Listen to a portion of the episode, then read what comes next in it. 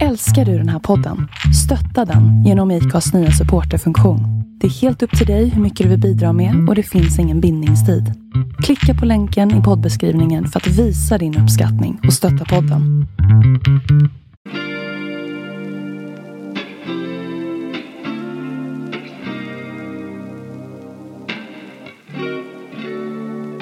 Hej och välkomna till Svengelska, en podd med mig Emon och Love. Välkomna! Det känns så kul att vara här idag. Vi har en väldigt spännande person som vi ska få träffa här nu ungefär i 40 minuter framåt och intervjua. Eh, personen heter inget mindre än Pontus Höök. Superspännande.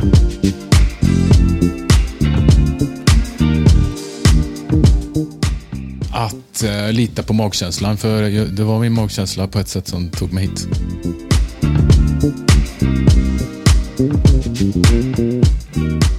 Välkommen Pontus! Tack så mycket. Välkommen! Kul att ha dig här. Superkul att ha dig här.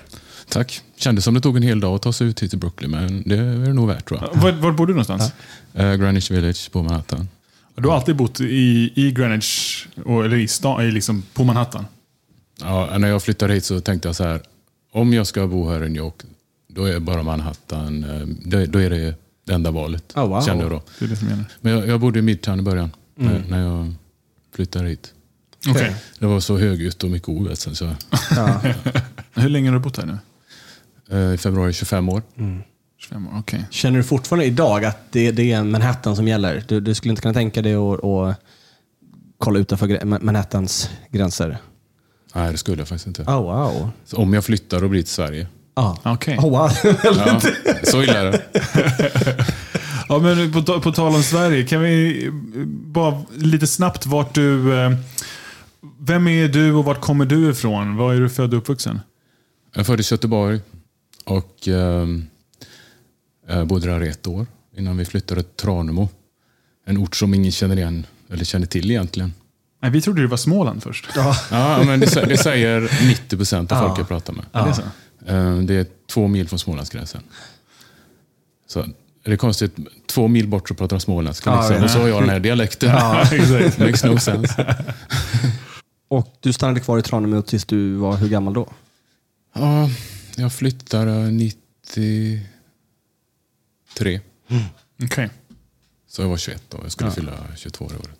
Okej. Och hur, hur, hur såg din liksom uppväxt ut där? Du är ju fotograf och hur kom du in på det spåret? Kom du in på det spåret tidigt, redan i, i liksom Sverige?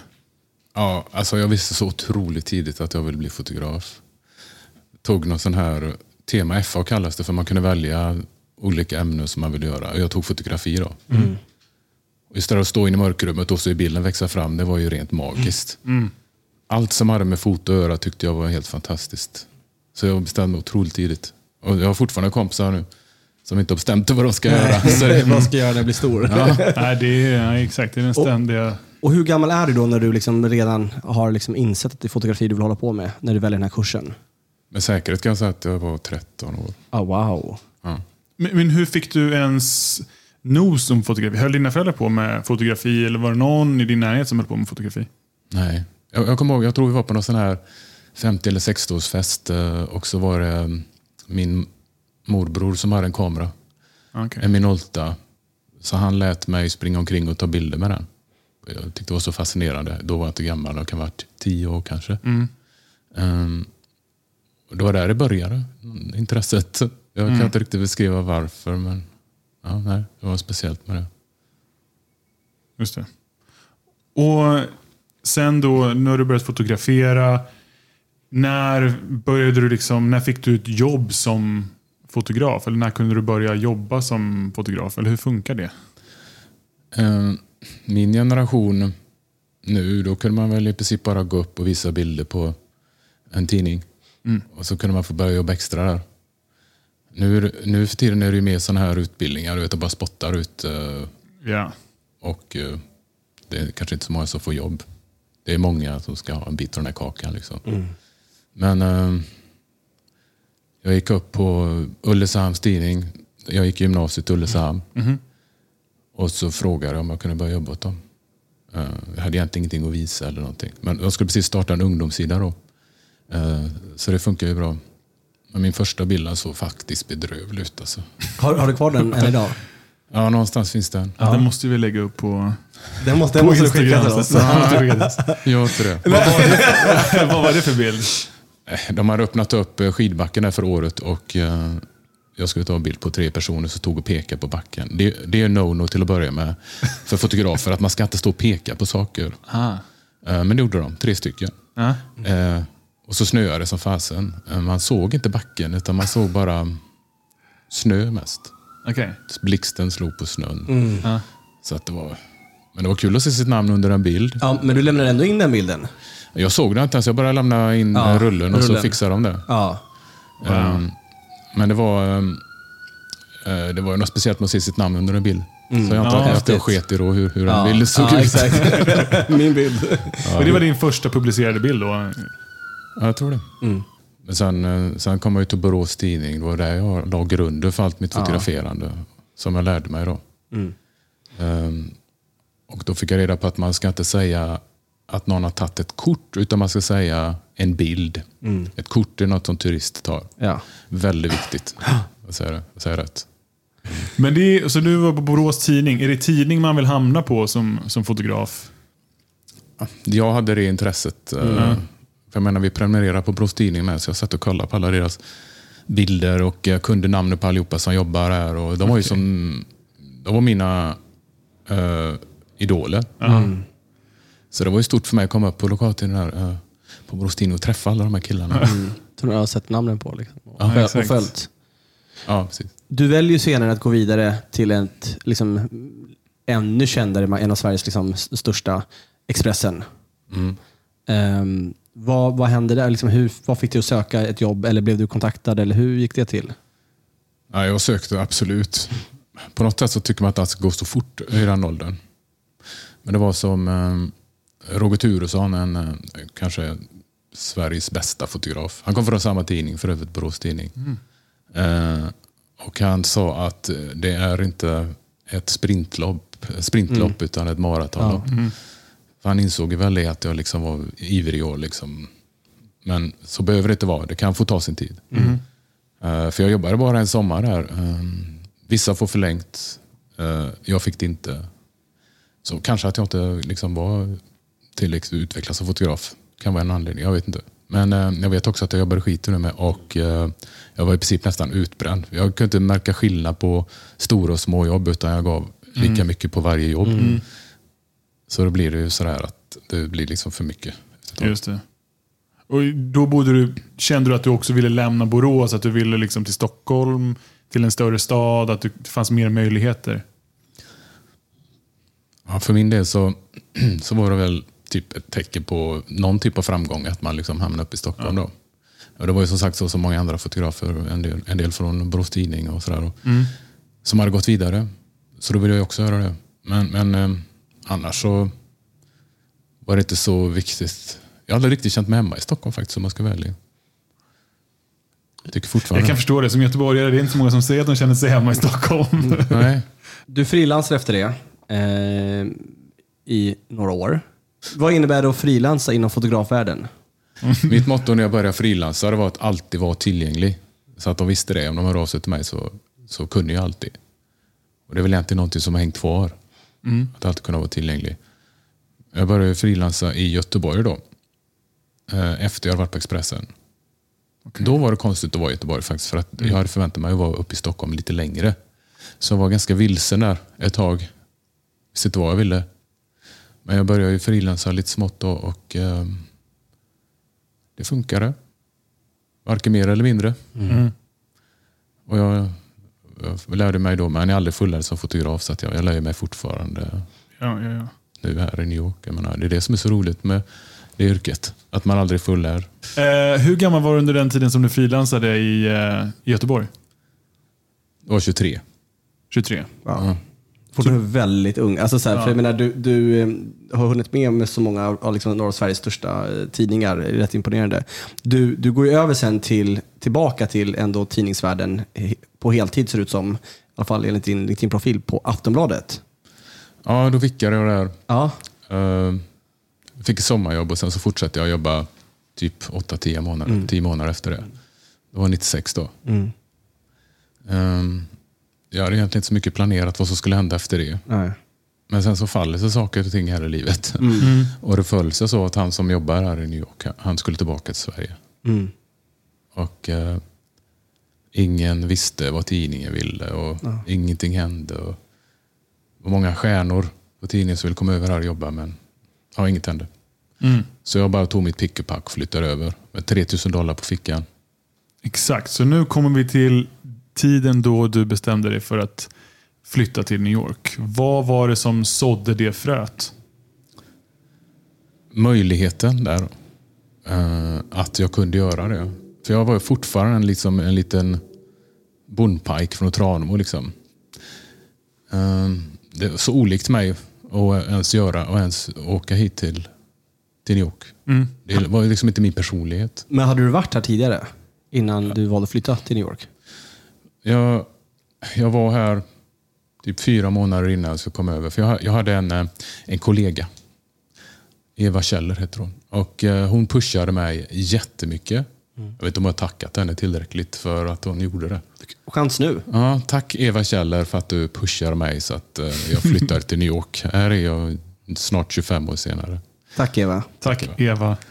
Nej, men, eh, hon sa läs på om New York, åk över och se hur det är. Eh, hon pushar mig väldigt mycket. Och, Och vad jobbade hon? Eller vad... hon var journalist, hon var på Aftonbladet då. Hon var på Aftonbladet? Ja. Mm, nu frilansar hon. Ehm, och eh, jag testade då i november 96. Kom hit. Och jag gillade det inte alls. Tvärtom alltså. Jag kände mig så otroligt ensam här och tyckte folk var otrevliga. Så jag kände mig så här lite, nästan lite deppig när jag åkte tillbaka efter den här veckan här. Så i och med det så bestämde jag mig för att ja, jag flyttar till New York. Nej, det är sant? Även fast du inte trivdes. ja, ja, men det, det finns ingen logik där alls. Nej. Överhuvudtaget. Ja, men det, det märks att du själv har ifrågasatt dig själv hur du tänkte, men du inte har svaret på det riktigt. Ja, Nej, jag har det fortfarande inte. Jag har fortfarande inte svaret. Och det här är 25 år sedan. Ja. Ja, helt Men var det fortfarande möjligheterna som du kände att det finns möjligheter där? Att det var det som fortfarande lockade? Eller? Ja. Ja. Det ham- hamnade typ i knät på mig. Eh, Så, så jag kände att eh, jag får väl försöka. Men jag, jag var fortfarande så här väldigt blåögd så att, eh, jag tänkte aldrig att jag skulle misslyckas eller sådär. Så att, eh, det spelade mig i händerna lite. Ja, men jag tror inte det hade nog inte gjort mig så mycket heller om jag hade misslyckats. Eller, då hade jag bara fortsatt i Sverige. Det var som ingen big deal för mig. Jag tänkte inte ens på det så. Men hur också bar du dig åt? Du var frilansfotograf. Hur gjorde du för att få stanna här? Det är ju inte helt lätt att få vara kvar i USA. Jag, eh, jag fick eh, journalistvisum då. Mm. Eh, Det första jag fick var bara på ett år.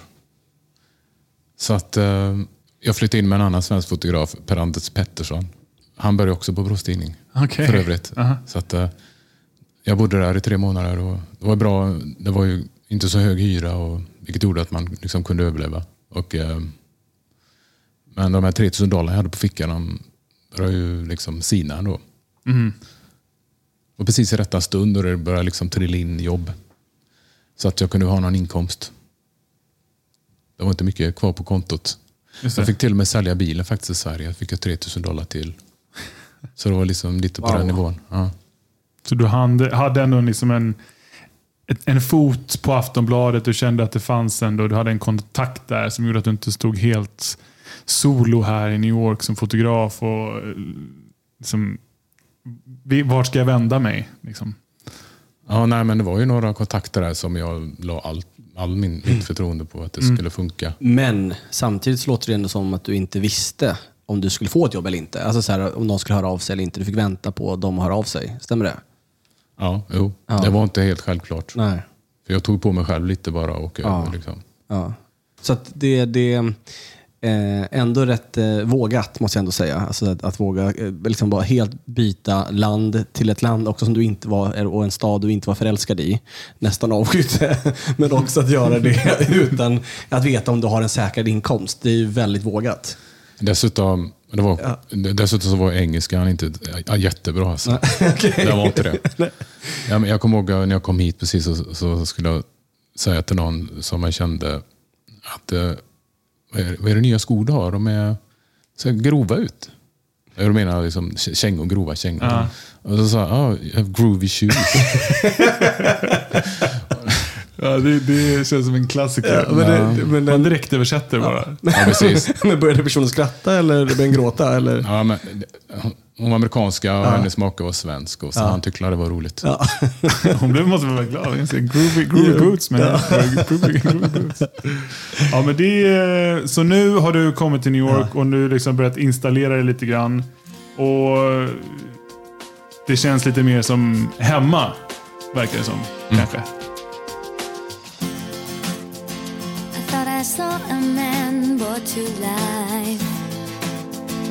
He was warm, he came around like he was dignified.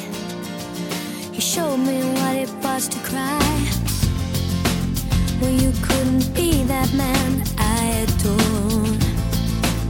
You don't seem to know, seem to care what your heart is for.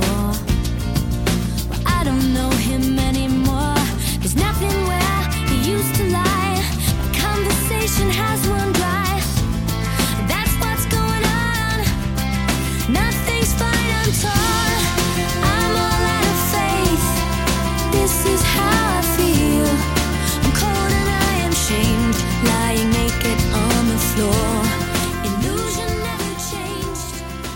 Hur känns... Eh, vad, vad tänker du när du hör den här låten? Ja, minnen alltså. Spelade väldigt mycket när jag kom hit. Kom hit som ung kille liksom. Och, ehm, det var en del party sådär. Och, ehm, Temat på förfesterna. ja. Så att eh, kanske att när jag har varit där 25 år att jag lägger ut den spellistan som jag hade på partyna i, i min lilla lägenhet i Midtown. Så folk får skratta lite. Ah, nej, men det där, alltså, den här, jag har inte lyssnat på den här låten på länge. Den är, det är en riktigt bra låt alltså. Jag gillar den. Och, men känns det som att du har landat lite i New York? Känns det som att du har... Vad var det som fick dig att vinnas över? Vad var det som gjorde att du liksom... "Ah, Men jag, jag stannar i New York. Det, jag kör på det här. För att du var inte helt övertygad. Ja, men det är ju den här klyschan. ehm, energin i New York. Det finns inget, ja, den är beroendeframkallande alltså. När, du, när du säger ordet energi, vad, vad menar du då? Kan du, i, kan du ge oss några exempel?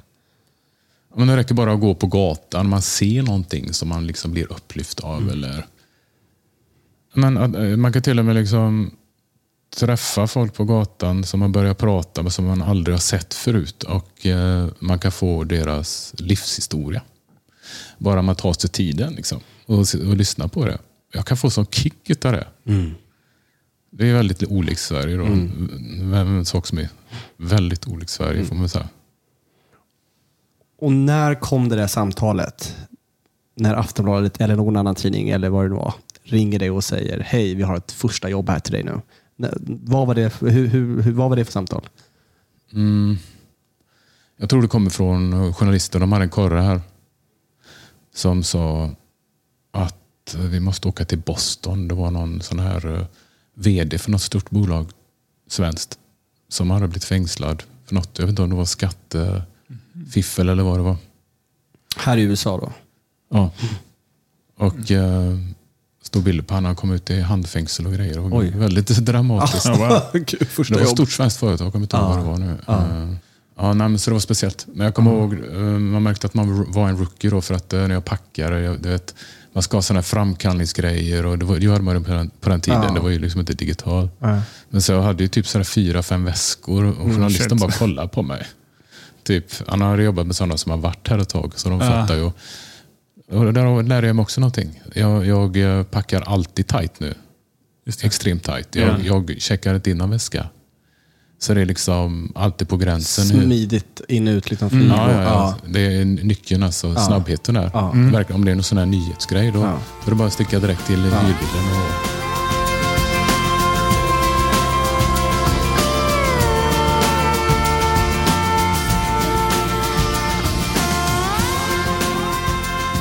Vi har ett segment eh, som vi kör med alla våra gäster.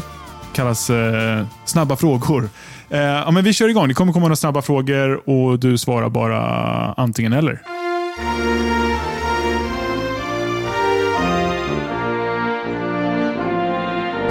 New York Times eller Dagens Nyheter? New York Times. Svenska eller amerikanska pannkakor? Svenska. Per Andersson eller Jerry Seinfeld? Per Andersson. Ahlgrens bilar eller M&M's? Ahlgrens bilar. Sara Larsson eller Rihanna? Rihanna. Volvo eller Ford? Volvo. Feskekyrka eller Italy? Är du från Skåne eller? uh, Italy.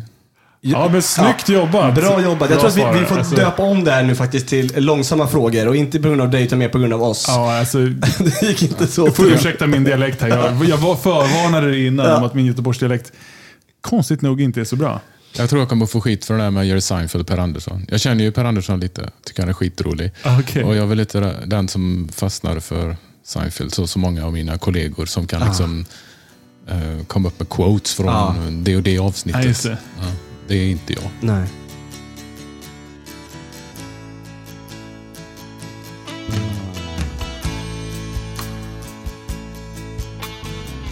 Vilken bild tog du som du märkte att det blev eh, ringar på vattnet? Alltså som, som ledde till att det började komma in eller du kom i kontakt med andra spännande uppdrag?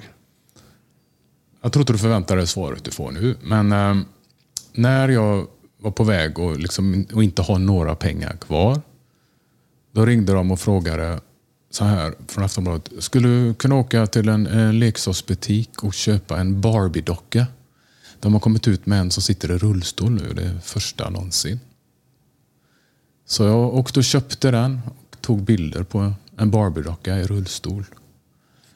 Och eh, alltså, Jag behövde de pengarna så mycket just då. Och eh, där, där, Jag kommer ihåg den, det var en vändpunkt. Eh, faktiskt. Det hade ingenting med ingenting att göra, men bara en väldigt udda grej. Ändå. Och hur många år hade du varit i New York vid den tidpunkten när du vände? Ja, Vi snackar inte år alltså. Det var två månader kanske. Okej, wow. det gick fort. Ja. Det här är då efter vd-bilden. Ja. Ah, wow.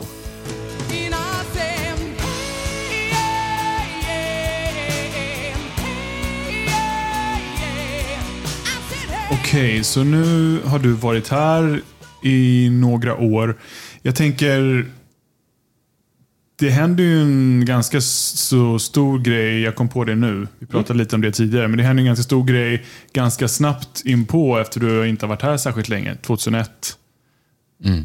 Eh, 9-11. Just det. Då var du här. Bara, hur upplevde du det? Ja, man trodde inte sina ögon. Um, frugan, hon var min flickvän då, men nu fru, hon väckte mig på morgonen och sa Du måste se det här. Nej, jag vill sova så här. Nej, du måste. På den tiden så var jag lite av en sömntuta då. Men ehm, så hon pekade på tvn, jag gick ut i vardagsrummet och pekade på tvn och såg jag en andra planet flög in där. Var det live alltså? Ja, på nyheterna. Det var, eh, tror det var kast filmat, så här, en dålig film jag kollade på. Liksom. Eh, men då fattade jag att det var på riktigt sen då. Sprang upp på taket och kollade bara för att vi skulle få det bekräftat att det verkligen hände. Såg man ju att, eh, att det bara kom svart rök från, från skyskraporna. Ja. Jag bodde inte där då. Det är den lägenhet vi bor i nu. Men då, på den tiden bodde jag i Midtown. Så att, eh, jag hade inte prylarna där. Så jag var tvungen att åka upp till Midtown och hämta allting. Så det Okej. tog ju tid alltså. Men det var instinkten direkt. Liksom. Okej, jag måste fota det här. Oh ja, oh ja. Ja. Jag kände mig otroligt obekväm att stå uppe på taket och inte ha mina fotoprylar där. Eh, Jag visste ju att det var något stort alltså. Okej, du åkte upp och hämtade dina fotoprylar och drog liksom downtown och ville fota så mycket som möjligt. Ja, det hände ju mycket på vägen upp där. Jag satt ju och lyssnade på radion och eh, plan som störtade i Pittsburgh och ena tornet rasade och taxichauffören. Han, han satt med handen på pannan och bara ruskade på huvudet. Ehm, det var som tredje världskriget hade anlänt. Jag höll bara vänta nere på gatan och så sprang jag upp och hämtade mina prylar. Och sen så sa jag till honom att ta mig så långt ner som det bara gick. Det var i Tribeca då. Så jag klev ur där och stod ju bara en skyskrapa kvar. Mycket rök. Ehm, så- tar jag upp min kamera och börjar fotografera. Och då så ser jag typ att toppen på skyskrapan liksom knäcker till eller vad man ska kalla det. Och då så kraschar den då. Framför mina ögon. Och där står jag och fotograferar. Och eh, jag har försökt att beskriva det här tillfället så många gånger. Det, det är som att jag hamnar i en bubbla. Du vet, jag hör inte ett ljud från en skyskrapa som bara kraschar framför mig. Inte ett ljud. Jag hör att folk skriker bakom mig. Kanske var det kroppens sätt att försöka hantera det där. Jag har varken före eller efter varit med om, om något liknande. Eller liksom hur, jag- hur jag reagerade på det där. Men alltså, jag kände också nu när jag tänkt tillbaka på det att eh, jag var mer privatperson än eh, fotografen. För att jag kände att jag ville inte vara där. Jag kände mig otroligt obekväm med det. Så att eh, på så sätt så missade jag nog många bilder och sådär. Vilket jag kan ångra ibland. Men sen så har jag också haft kollegor som nästan dog för att de liksom tog sig för nära. Eh, Och en del liksom har fått gå till psykiatriker och liksom, och för att bearbeta det där. Det är en balansgång. Som fotograf så är det alltid så. Man, Ja. med- medan, jag, medan alla andra gick emot mig så gick jag neråt. Eh, Det är ofta så. Vi går mot strömmen för är vi som ska få bilder på saker och ting. Ja, det är ju ett väldigt utsatt yrke på så många sätt. Som du säger, man går mot folk istället för att gå ditåt, all, mot vart alla andra går. Mm. Min fru brukar bli lite sur på mig. Detta hände i samband med 9-11. Vi satt och åt på en restaurang. Man vill liksom komma ut och försöka glömma det som hade hänt. Vi sitter och så ser vi ute på Fifth Avenue. Nu kommer folk springande och bara, varför springer de där? Det var ropat att det var bombhot var Empire State Building. Och eh, vi bara släppte allt vi hade framför oss. Vi hade halvete mat och liksom bara släppte det och så sprang vi med dem. Men eh, ja, frugan sprang snabbare än vad jag gjorde. För att jag ville ju se vad som hände, om något hade hänt. Och, eh, det, hon gillar inte den sidan av mig, men det är ju, det är ju den jobbsidan. Då. Jag förstår att det kanske är tvåeggat, liksom det där. Att man vill inte vara där, men samtidigt så finns det någon sorts yrkesskada i sig som, som vill ta den där bilden. Ja, man måste overcome den känslan. Och jag kanske inte riktigt lyckades med det vid 9-11. Men jag lär, där lärde jag mig något också. Man lär sig hela Man tiden. läser något hela tiden. Jag tror det man får ta, ta, ta med sig utav. Ja, verkligen. Men om man går in på din hemsida så ser man att du har fotograferat många utav liksom, de främsta världskändisarna som finns. Allt från liksom, Rihanna till Sara Larsson till alltså det finns, ja, hur många som helst. Men du har också fotograferat väldigt många presidenter. Amerikanska presidenter. Ehm, hur, hur, liksom, hur är det? Liksom, har du, har du, I dina fotografier, har du fått chans ibland att få, liksom, kommunicera, prata eller är det mycket ehm, det finns en bild som du har tagit på eh, George Bush och hans fru på lite mer distans. Hur, hur är det liksom? Jag har haft en sån här intern tävling med mig själv. Hur många presidenter jag kan skaka hand med. Och eh, det är ju Donald Trump, George W. Bush, eh, Bill Clinton. Tyvärr inte Obama. Så. Okej. Jag har stått typ en meter ifrån honom, men då tog jag bilder istället. Fick Det är, välja ju- det är ju rätt prio ändå. Ja, precis. Speciellt om man är utsänd. kanske. Verkligen. Nej, men så att eh, det är min lilla interna tävling. Har Okej. själv. Och Biden, ja, men du har ju några Just det, Biden. Bi- Hur kunde jag glömma Biden? Ja, men har du, har du skakat hand med honom? Ja. Ja, Okej. fanta- Det var när han ran for president. Okej. Så tänkte jag, jag skakar hand utifall. Ja. jag kan bra. tänka, det. jag tänker mig lägga till dig i min lilla... Du är inte där än.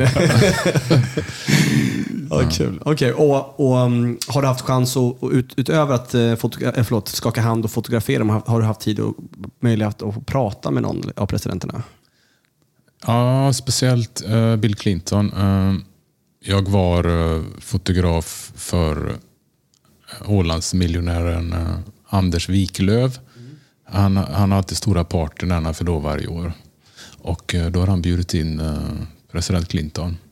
Så då var jag liksom den som skulle följa Clinton under hela dagen. Så att vi utbytte väl ord så här, how you doing Mr President? Det är inte varje gång man säger det. Tilltalar man fortfarande, även fast han inte är president, så tilltalar man fortfarande Mr President? Ja, det är så som jag har fattat det. Ja, men så okej. är det. Du är alltid en president.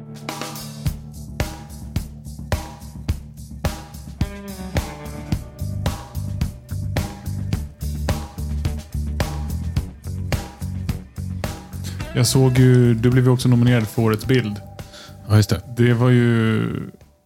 Den bilden sa ju väldigt mycket om hur det såg ut i New York och hur, ja, hur, hur situationen såg ut. Det var ju extremt liksom deppigt och det, fast på samma, på samma gång så försökte folk hålla hoppet uppe och, liksom, och ta hjälp av varandra och verkligen stötta och hjälpa varandra. Det var en otroligt eh, fin bild alltså. Ja. Man känner någonting när man tittar på den tycker jag. Jag kommer ihåg när jag tog bilden också att eh, jag kämpade för att inte gråta själv. Det var väldigt speciellt. Kan du inte beskriva vad, vad det är man ser på den här bilden för de som inte har sett den? Ja, Det, Och som lyssnar på den här podden. det står ett gäng eh, sjuksköterskor som jobbar med co- covid-sjuka. Då. Och det var ett tag så här eh, vid sju varje kväll så folk stod i fönster och slog på liksom kastruller och de tutade med vad det nu var för något och, och ropade. Och, men även vid sjukhusen då så, så kom sjuksköterskorna ut eller sjukhuspersonalen och eh, mottog folks jubel helt enkelt. För att pusha dem och liksom, att de skulle fortsätta med det de gjorde. Eh, och det var vid sånt tillfälle som den bilden togs då. När folk stod och jublade. Och var det typ en sjuksköterska som ihop. Hon började gråta och så blev någon kramad av de andra. Då. Så det var fint tycker jag. Mm. Ja, det är verkligen fångat i stunden. Du sitter ju på så otroligt mycket just nu liksom, eh, erfarenhet. Både av att liksom jobbat eh, utomlands som fotograf, eh, men även allmänt på att, att varit fotograf i så många år. Eh, till den yngre generationen, nya fotografer som kommer idag. Vad kan du ge för tips och rekommendationer till de som vill komma in i din värld? Att lyckas. Ehm, det är väl att till att börja med kanske inte tro att man måste ha den nyaste kameran eller att eh, det, kan ju vara, det kan ju vara en hump man måste komma över liksom och investera och sådär som kanske inte är så lätt för många. Men det behöver inte vara liksom allra bästa. Man kan ju ta bilder med som sagt med mobiltelefon nu så att eh, man kan börja med lite enklare grejer. Sen om man kanske får jobb sådär så kan man mm, heter det, köpa lite dyrare grejer.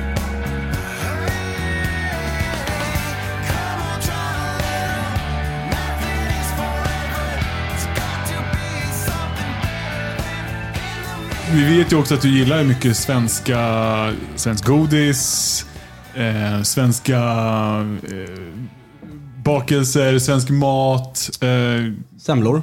semlor. Det finns mycket svenska, svenska saker som du fortfarande håller kvar vid. Ja, semla alltså. Det är så gott. Åkte du ner, gick du ner till fabrik eh, vid semmeldagen? Ja, men jag var där typ en gång i veckan. de dem.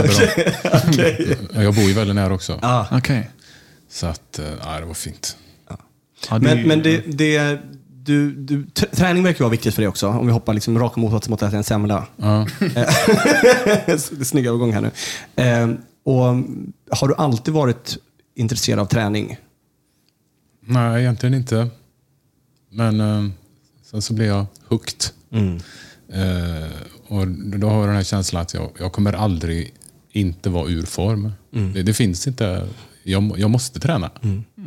Ibland så kan jag nästan komma på mig själv. Jag är sådär, ska jag gå eller ska jag inte gå till gymmet? Och sen helt plötsligt så finner jag mig själv stående på gymmet. Jaha, tydligen har jag gått hit. Nej, men liksom, eh, jag hamnar där förr eller senare. Då, även om det inte alltid är så roligt. Men Det ger mig så mycket. Jag menar, det är också någon typ av meditation. Man kan bearbeta Verkligen. saker. Och man mår bra. Och Sådär.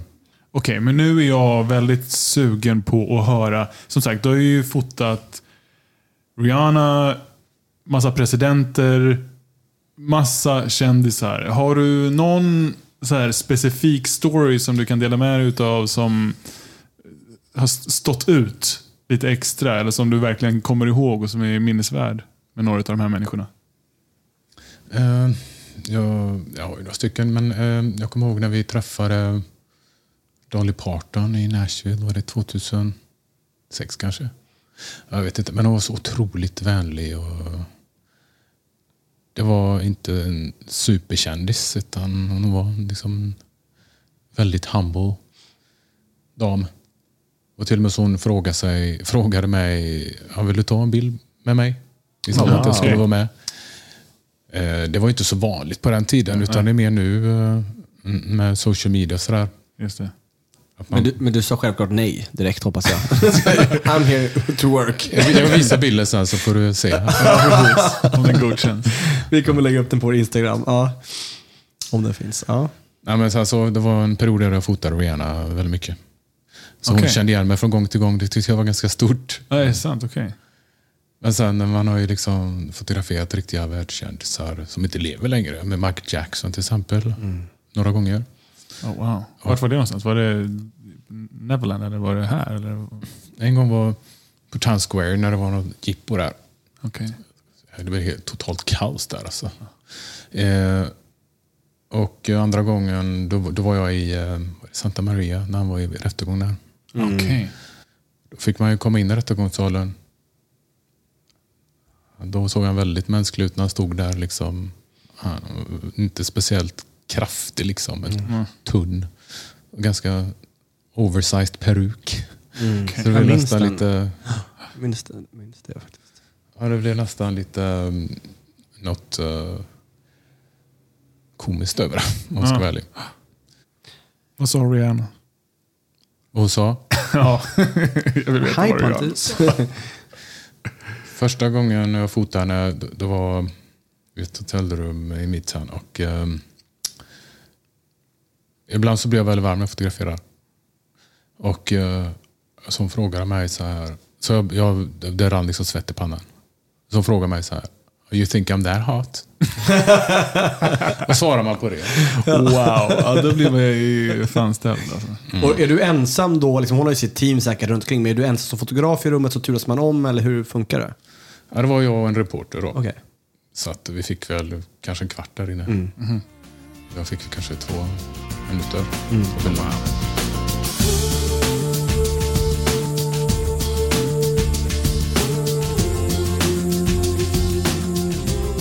Vad är det som, vad är det som driver dig att fortsätta? Mm. Just nu är det nog att alltid vilja vara bäst. Nej, men liksom, jag ska aldrig kunna känna efteråt att jag inte har gjort tillräckligt. Utan jag ska liksom pusha och jag ska känna att jag kunde inte göra mer än så här. Eh, så tänk, om man skulle se att konkurrent, konkurrenten har fått någon annan bild eller då är det ingen fara för jag vet att jag gjorde allt jag kunde. Mm. Men jag känslan av att jag inte har gjort det, då är det en helt annan femma. Men ju äldre jag blir, desto mer pushar jag på. Eh, kanske för att vara konkurrenskraftig. Alltså, många timmar liksom, lägger ner. Om, om jag vet att det blir bättre om man är på resa eh, och gör något jobb. Och vet att det blir bättre om man lägger ner mer tid. Och det, det, är liksom, det är inte ens något att tänka på. Jag lägger ner mer tid. Du har ett motto på din hemsida som både Love och jag eh, fastnade för. Eh, och som vi båda när vi pratat innan om liksom syfte lite med podden.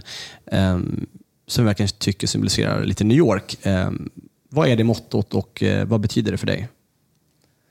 Ja, mottot är Love or hate New York, it will help you uh, find your potential. When you do that, run with it. Det handlar väl i grund och botten om att ha en viss tro på sig själv. Att, att man klarar av det här. Ehm, och, och veta vad man har för potential. Och sen så är det bara att köra på. Så får man se var du tar den någonstans. Mm, jag tycker att det är, I en stad som New York så är det viktigt att komma ihåg det. Verkligen.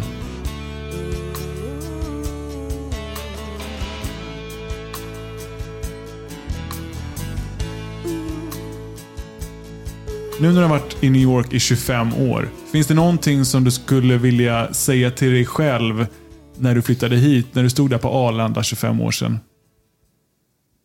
Köp aktier i Tesla. En och sån. Nej, men eh, att eh, lita på magkänslan. För jag, det var min magkänsla på ett sätt som tog mig hit. Ja. Ehm, och eh, för det är jag en annan person än vad jag hade varit annars. Ja, New York är en väldigt stor del av vem jag är. Och ehm, ja, det påverkar mig på alla möjliga sätt. Finns det någon bild som betyder lite extra för dig?